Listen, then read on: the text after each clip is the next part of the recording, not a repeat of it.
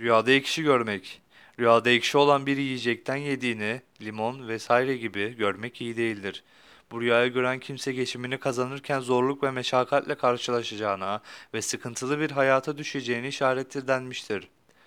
Rüyada kişinin ekşi bir şey yemesi veya çiğnemesi iyi değildir.